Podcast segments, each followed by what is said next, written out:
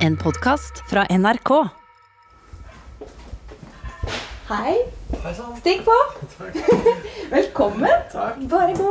Eh, Jeg har invitert psykologene Peder Kjøs og Pål Grøndal hjem til meg for et eksperiment. De skal analysere den største naziforbryteren i norsk historie uten å vite hvem de snakker om. Så flott at du kunne komme. Jo, nei, men det høres jo spennende ut, dette her, da. Jeg vil at de skal forholde seg til ham uavhengig av tid og rom. Er det mulig å si noe om personligheten til dette mennesket? Ok, eh, øyeblikket. Jeg har gjort klar litt, noen ark. På stuebordet har jeg lagt fram et røntgenbilde av hjernen til Vidkun Quisling. Eh, Røntgenbilde av eh, kraniet til personen. Oi. Og ei liste med anonymiserte opplysninger om denne person X. To av fire ark, ett til dere hver, med en del punkter på. Kan jeg ta opp pennen min nå? Ja, det kan du gjøre.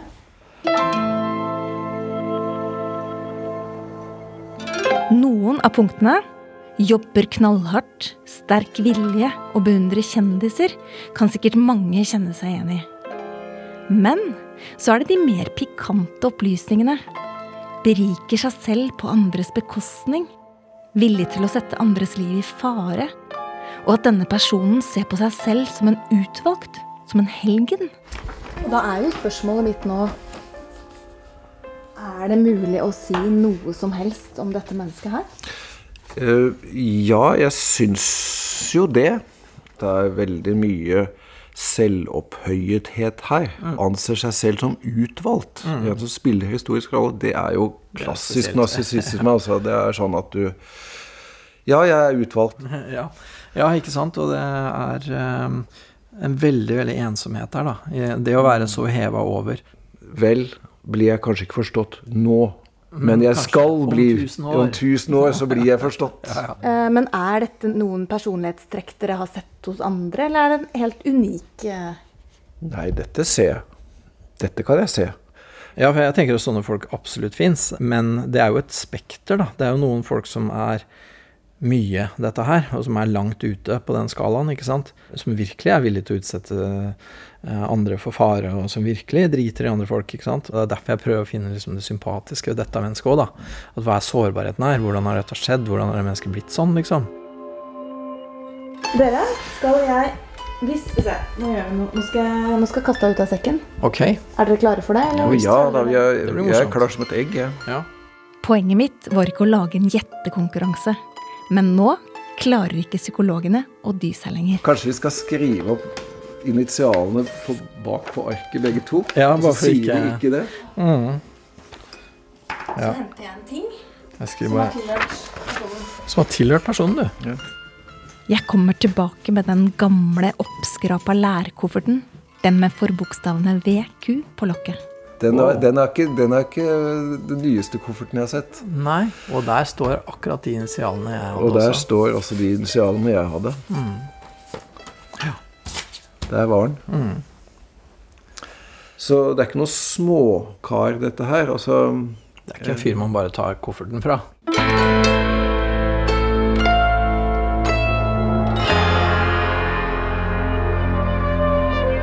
Den nasjonale regjering har overtatt regjeringsmakten. Med Vidkun Quisling som regjeringssjef og utenriksminister. Stikk! Stikk! Stikk! Quislingene kaller man oss, og under dette navnet skal vi seire! Vidkun Abraham Lauritz Quisling dømmes til døden. Jeg heter Trude Lorentzen, og for noen år siden skaffa jeg meg mitt eget håndtak til andre verdenskrig. Kofferten til Norges største forræder, Vidkun Quisling. Hvem var denne mannen som ble en slags norsk nazidiktator? Og hva skal han gjøre nå, da alt han har kjempa for, går skeis? Du hører fjerde episode, Der Untergang.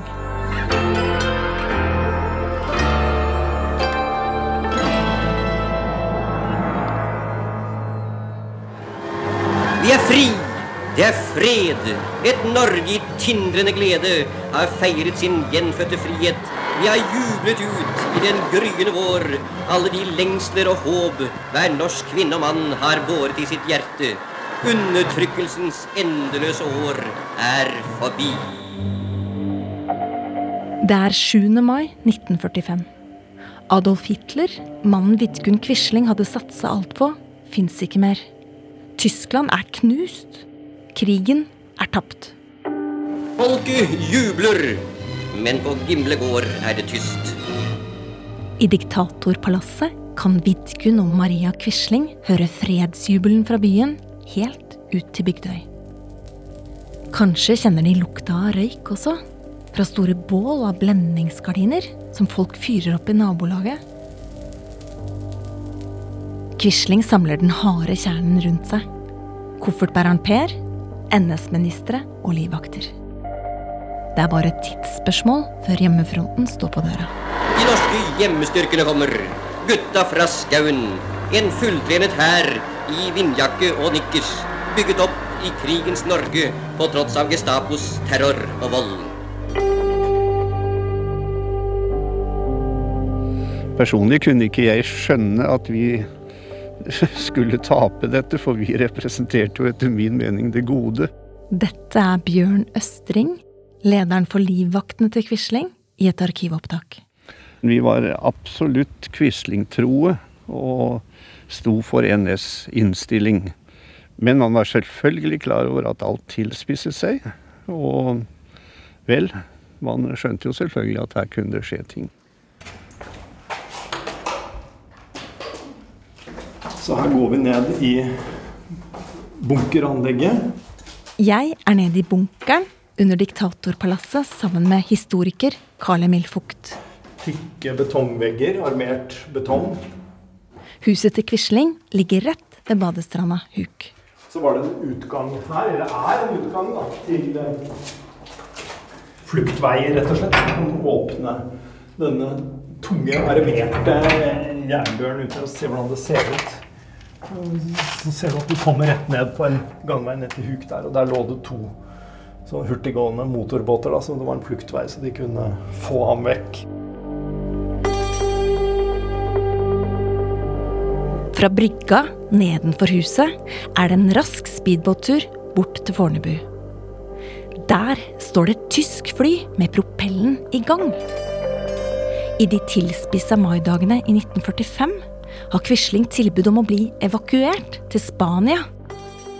Kofferten hans er ferdig pakka, men han lar flighten gå fra seg. Argentina er også et alternativ. I sjøen utenfor Bergen ligger det en naziubåt som snart skal reise på tvers av Atlanterhavet. Men heller ikke denne fluktmuligheten slår Quisling til på. Hvorfor stikker han ikke av da han har sjansen? Det er jo interessant at han, eh, at han ikke, ikke flyktet. At han uh, trodde at dette skulle gå greit på et eller annet vis. Det, det er jo rart. Jeg ville gått for ubåten. Jeg tror jeg ville tatt speedbåt, jeg, ja, da. Psykologene Peder Kjøs og Pål Grøndal minner om at Quisling sammenligner seg med en helgen. Med Olav den hellige, faktisk. Og attpåtil med Jesus. En helgen stikker jo ikke av. Hvis du på en måte er en fører, så stikker du ikke av med halen mellom beina, liksom. Jeg tenker at han ville synes det var nedverdigende da, under hans verdighet på et vis å flykte. Jeg var litt overrasket over at han ikke altså Jeg ville trodd at det var mer egosentrisk i det at jeg skal få redde meg selv. For jeg er noe verd å redde. Så jeg kan komme tilbake. Men det, Jesus, det hadde ikke blitt noe av hvis, hvis liksom Jesus hadde rømt da, fra Getsemane hage liksom, på et esel. Han rir inn under palmeblader, og så rir han ut i nattens mulm og mørke. På Gimle begynner folka rundt Quisling å bli stressa. Hele 8. mai diskuterer de hva de skal gjøre. Kjempe til siste patron? Eller overgi seg? Bare ta straffa? Quisling er Norges mest ettersøkte mann, men forventer å bli behandla pent. Han ser for seg litt husarrest i en villa oppe i Holmenkollåsen. Og så vil han bli prest hjemme i Fyresdal.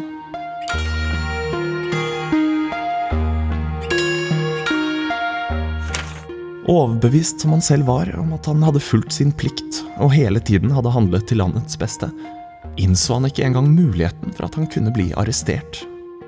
I boka si skriver den unge koffertbæreren Per om Quislings siste kveldsmat med disiplene på Gimle.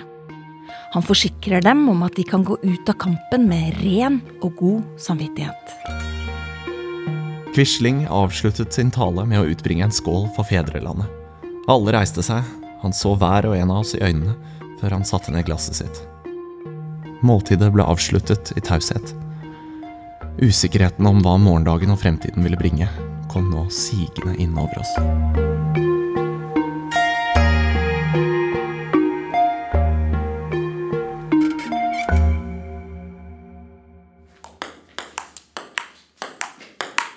Ute på Skaugum utfordrer Josef Terboven, Quislings tyske rival, sekretæren sin til et siste slag bordtennis. Det har vært yndlingshobbyen hans ved siden av å herske over Norge. Så går han ut i bunkeren i hagen, der han har lagra masse mat og hvetemel, og setter seg på ei tønne med dynamitt. Terboven svelger en håndfull sovetabletter med konjakk og tenner på lunta. Jeg ser den for meg. Poff! Borte i en sky av mel. Bare de knekte, runde brillene ligger igjen.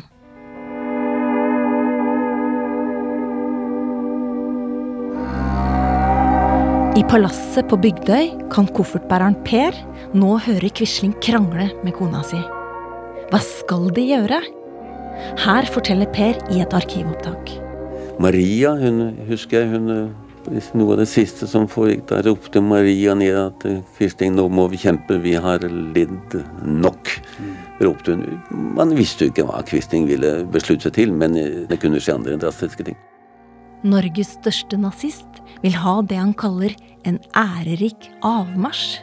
Han eh, hadde en god samvittighet for hva han hadde gjort og hva han hadde tenkt. Han eh, hadde aldri trodd at det skulle ende på denne måten. Telefonen ringer og ringer. Hvis ikke Quisling overgir seg innen klokka halv sju neste morgen, vil hjemmefronten pågripe ham med makt. Det er et ultimatum.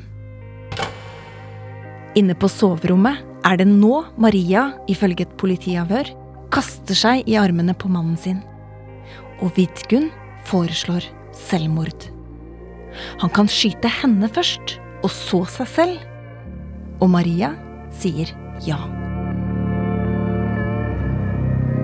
Men det lyder ikke noe smell der inne fra. Isteden kommer Quisling ut og ber om å få lasta bagasjen sin inn i den pansra Mercedesen han har fått av Hitler.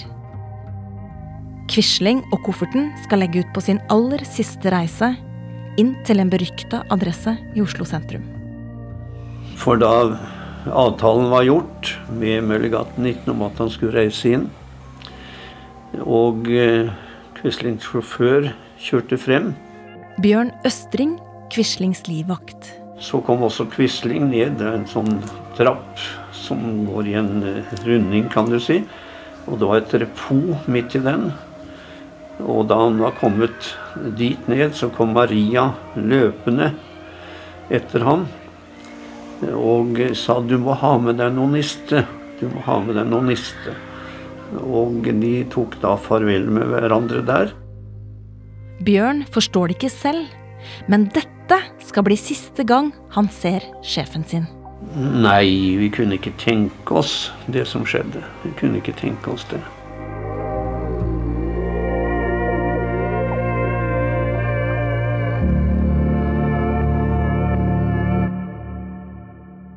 Møllegaten 19. Rettferdigheten skjer fyldest.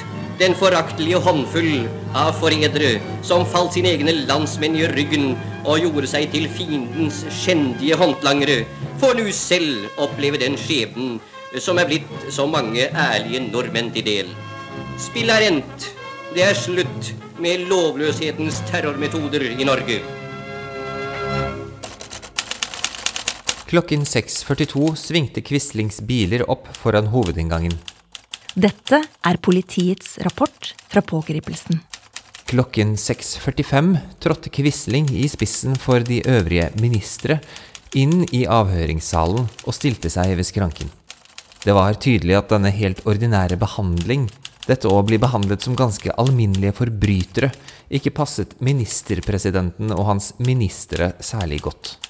Quislings ansikt var herjet og stygt. Det virket fett og klamt, pløset og rødt, med en blanding av forvirring, redsel og vrede. Kofferten blir beslaglagt og satt på et lager. Og Quisling blir satt på celle, med madrass å legge på og dobøtte i kroken. Lampa i taket står på døgnet rundt, så vaktene kan følge med at han ikke tar livet sitt. Fangen må holdes i form fram til han skal i retten. Derfor får han sprøyter med B-vitamin i låret. Det var jo ikke bare bare å gjøre det. Så det jeg var jo Jeg tenkte jeg må jo, jeg må jo bare. Sykepleier Meri Kristine Grini får jobben med å pleie Norges mest forhatte mann. I et arkivopptak forteller hun om da hun ble låst inn på cella med Quisling. Og der sto jeg da, vet du. Og jeg må jo si jeg var engstelig. Jeg var høy og lys. Og litt tykk. Han reiste seg og så kom mot meg og så eh, rakte meg hånd. Og så eh, sa jeg navnet mitt. Jeg kommer for å gi dem eh, vitaminsprøyte, herr Quisling, sa jeg. Og så han bukket han, og så sa han Vidkun Quisling. Så skjønte nok at jeg var nervøs. Så så han på meg, så hadde han et bitte lite smil borti der. Og så sa han Vi får se å få det overstått, da, sa han.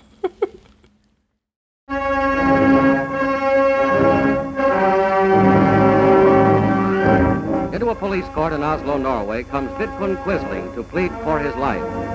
One of the war's most notorious traitors faces retribution for his crimes. Det er blitt høst 1945. I nesten 100 timer skal Quisling sitte på tiltalebenken, iført en litt for stor dress. Quisling, who made his name synonymous with traitor in his betrayal of Norway to the Nazis, hears the case against him. Once arrogant and ruthless, now he shows signs of fear. In a world freed from Nazism, there is no place for Vidkun Quisling.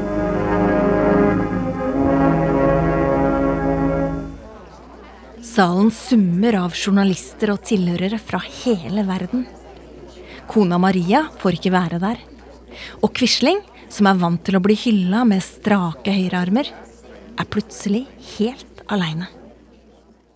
Tiltalen er grovt landsforræderi, statskupp, verving til østfronten, henrettelse av 16 nordmenn, tyveri av kunst- og verdigjenstander og medvirkning til deportasjon av 773 jøder. Avisenes forsider roper etter blod og hevn. Once, of course, he was convinced that Germany would win the war. Now that Germany is beaten, he professes astonishment that he should be accused of treason. One thing, though, whatever his end, his name at least will be remembered. The original Sell Your Country Quisling.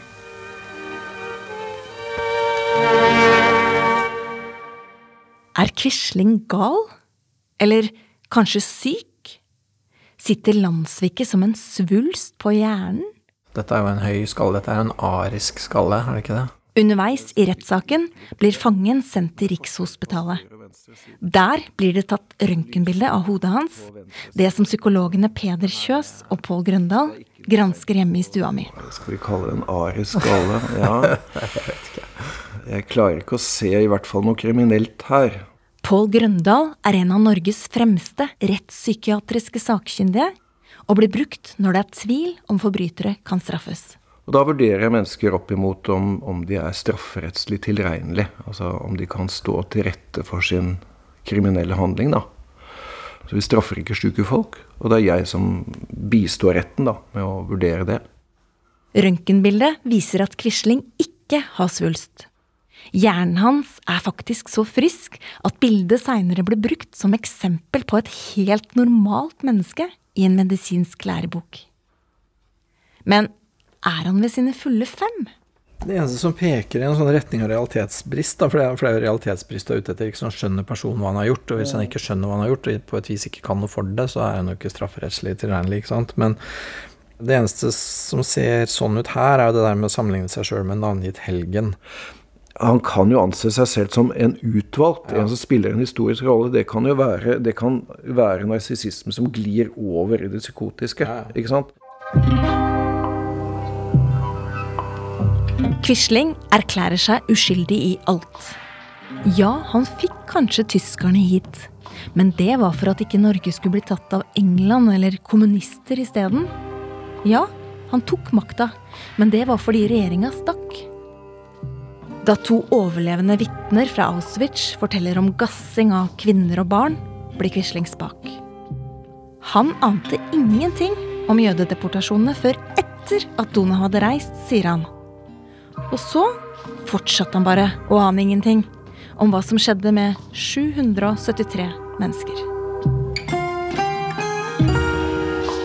Den 10. september 1945 banker dommeren klubba i bordet og reiser seg. Tiltalte Vidkun Abraham Lauritz Quisling dømmes til døden. Til døden. Likevel. Quisling-biograf Hans Fredrik Dahl mener at han slipper for lett unna. Quisling blir nemlig bare dømt for uaktsomt drap på de norske jødene. Men Dahl mener han visste hva som skjedde. Det er visse ting som tyder på at han var underforstått med at det tyske politi, SS, ikke bare ville sette dem i konsentrasjonsleir, men sørge for at de aldri ville komme tilbake. Altså tilintetgjøre dem.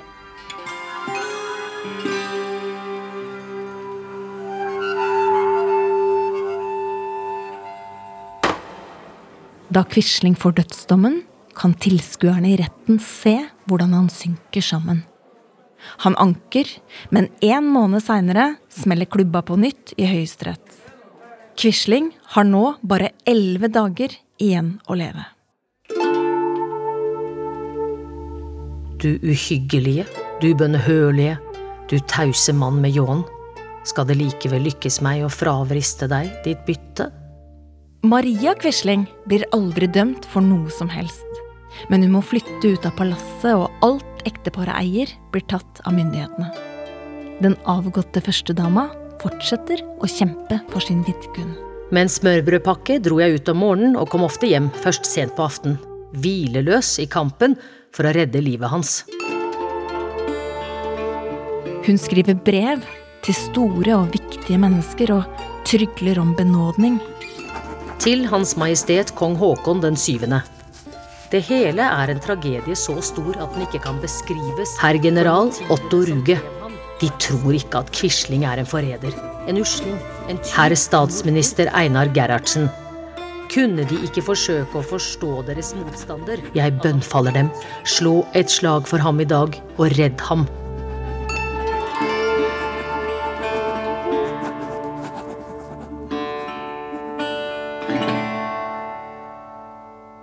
Når Maria får besøke Vidkun i fengsel, sitter en politibetjent og lytter på hva de sier til hverandre. Mitt inntrykk etter samtalen var at Quisling selv var trett. Han ble lett rørt og måtte ofte tørke øynene. Hun var den sterke, typiske NS-kvinne, selv i denne situasjonen. Redd for at han på noen måte skulle være ettergivende eller foreta seg noe som kunne misforstås eller virke skadelig for hans tidligere ideer. Hun søkte hele tiden å ildne ham opp ved å peke på episoder hvor det etter hennes syn var begått urett mot ham. Hun sier at hun skal hilse ham fra så mange av hans gamle kjente og ukjente venner.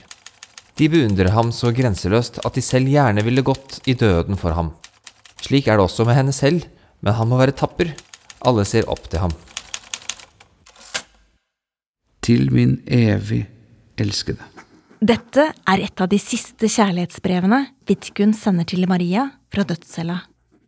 tynt papir med blekk fra løkkeskriften hans, som maner kona til evig lojalitet. Min ånd skal alltid omsverme og gjennomtrenge deg, som eh, radiobølger fyller rommet, og du vil ta imot og føle det. Du og jeg kan ikke virkelig skilles, kan du tro det, når du tenker på vår merkelige skjebne gjennom alle disse år? Vi to er ett, var og blir, og aldri la den tanke forlate deg, min evige og udødelige elskede. Det aller mest spesielle i det arkivet er jo uten tvil, slik jeg ser det, en unnselig liten konvolutt hvor det står 'Vidkun Hår' med dobbel A. På Riksarkivet har Øyvind Ødegård også en spesiell flik av historien å vise meg. Kvelden før han ble henrettet, så skriver han avskjedsbrev til Maria, sin kone, og vedlegger denne konvolutten. Han klipper altså av en lokk fra sitt hår. Vidkuns blonde pannelugg.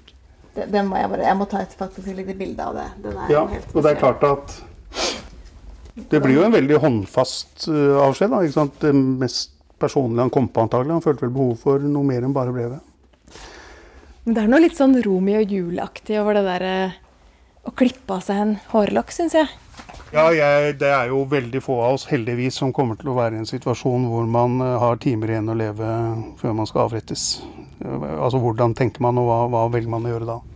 Rom og juli, ja, kanskje. Mm.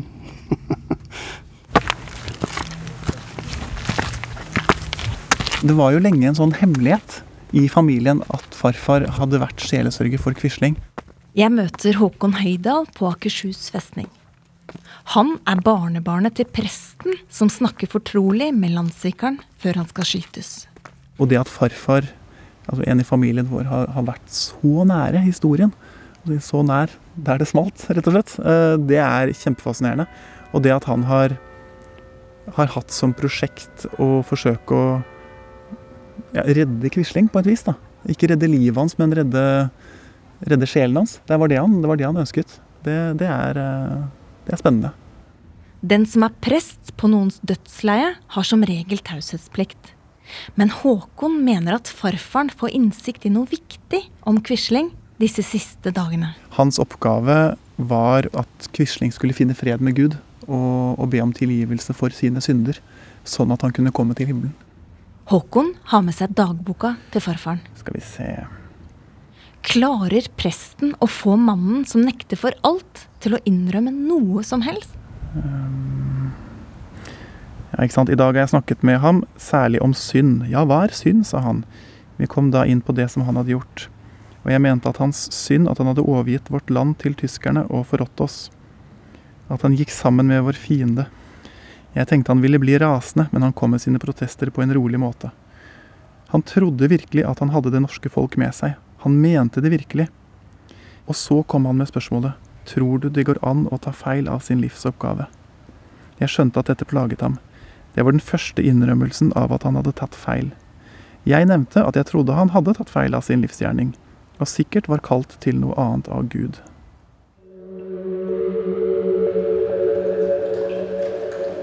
Natt til 24. oktober 1945 har himmelen åpna seg over Oslo. Regnet høljer, og farfaren til Håkon er med å hente fangen på cella. Da han hadde ryddet og ordnet med en del, ble han bundet med hendene bak og hadde noen roser i sin hånd. Roser som han hadde fått av sin kone. Han delte buketten i to.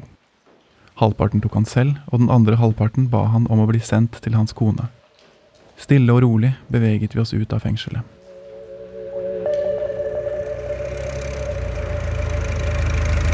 Det var natt, stillhet og øsregn. Vi kjørte så inn på festningen og opp på Øvre Voll. Quisling var rolig og stille hele tiden, og det ble ikke sagt mer på hele turen.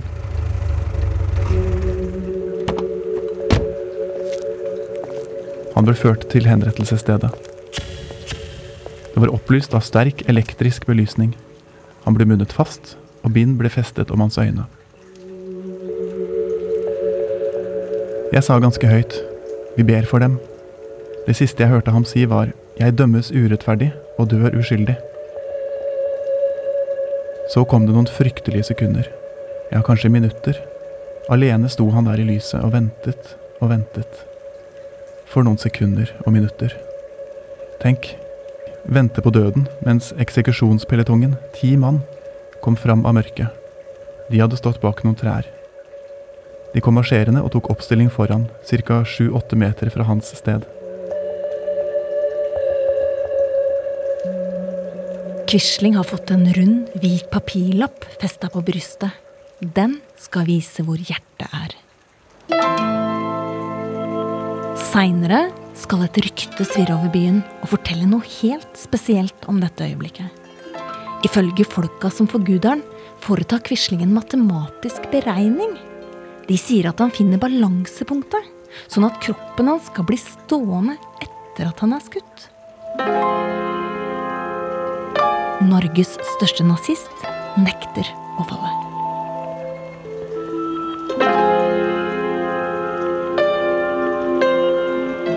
Så er det ikke flere sekunder igjen.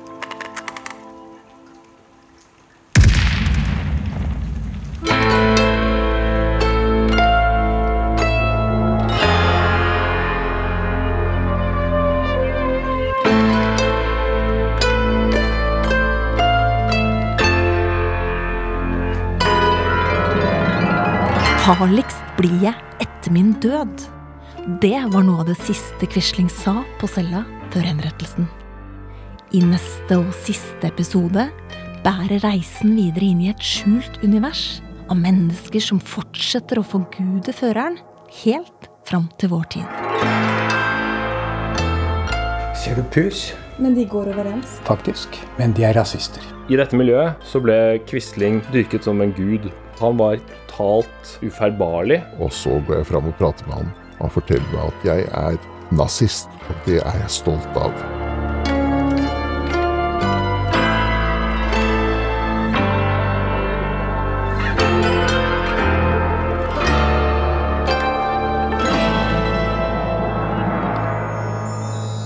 Du har hørt del fire av fem av Quislings koffert, laga av Trude Lorentzen og Svarttrost. Produsent og lyddesign Sindre Leganger. Geir Sundstøl har laga musikken. Prosjektleder hos NRK, Kjetil Saugestad, og Siril Heierdal er redaktør. Vidkun Quisling ble spilt av Morten Bergheim. Susanne Pålgaard leste fra Maria Quislings dagbok. Scott Maurstad var stemmen til Per Jahr. Politirapporter ble lest av Fredrik Baden. Vi hørte klipp fra radioserien Solefallstid av Per Bjørn Pedersen og Quislings sykepleier av Kristina Høyer. Propagandahørespillet Et folk finner sin fører blei laga i 1942. Sentrale kilder for episoden er boka Norske nazister på flukt av Anne Kristin Furuseth. Berit Nøklebys biografi om Josef Terboven. Retten er satt, spillet er slutt av Stein Ørnhøi. Arve Juritzens Quisling privat og Hans Fredrik Dahls biografi om Vidkun Quisling. En podkast fra NRK. Du finner alle episodene i appen NRK Radio.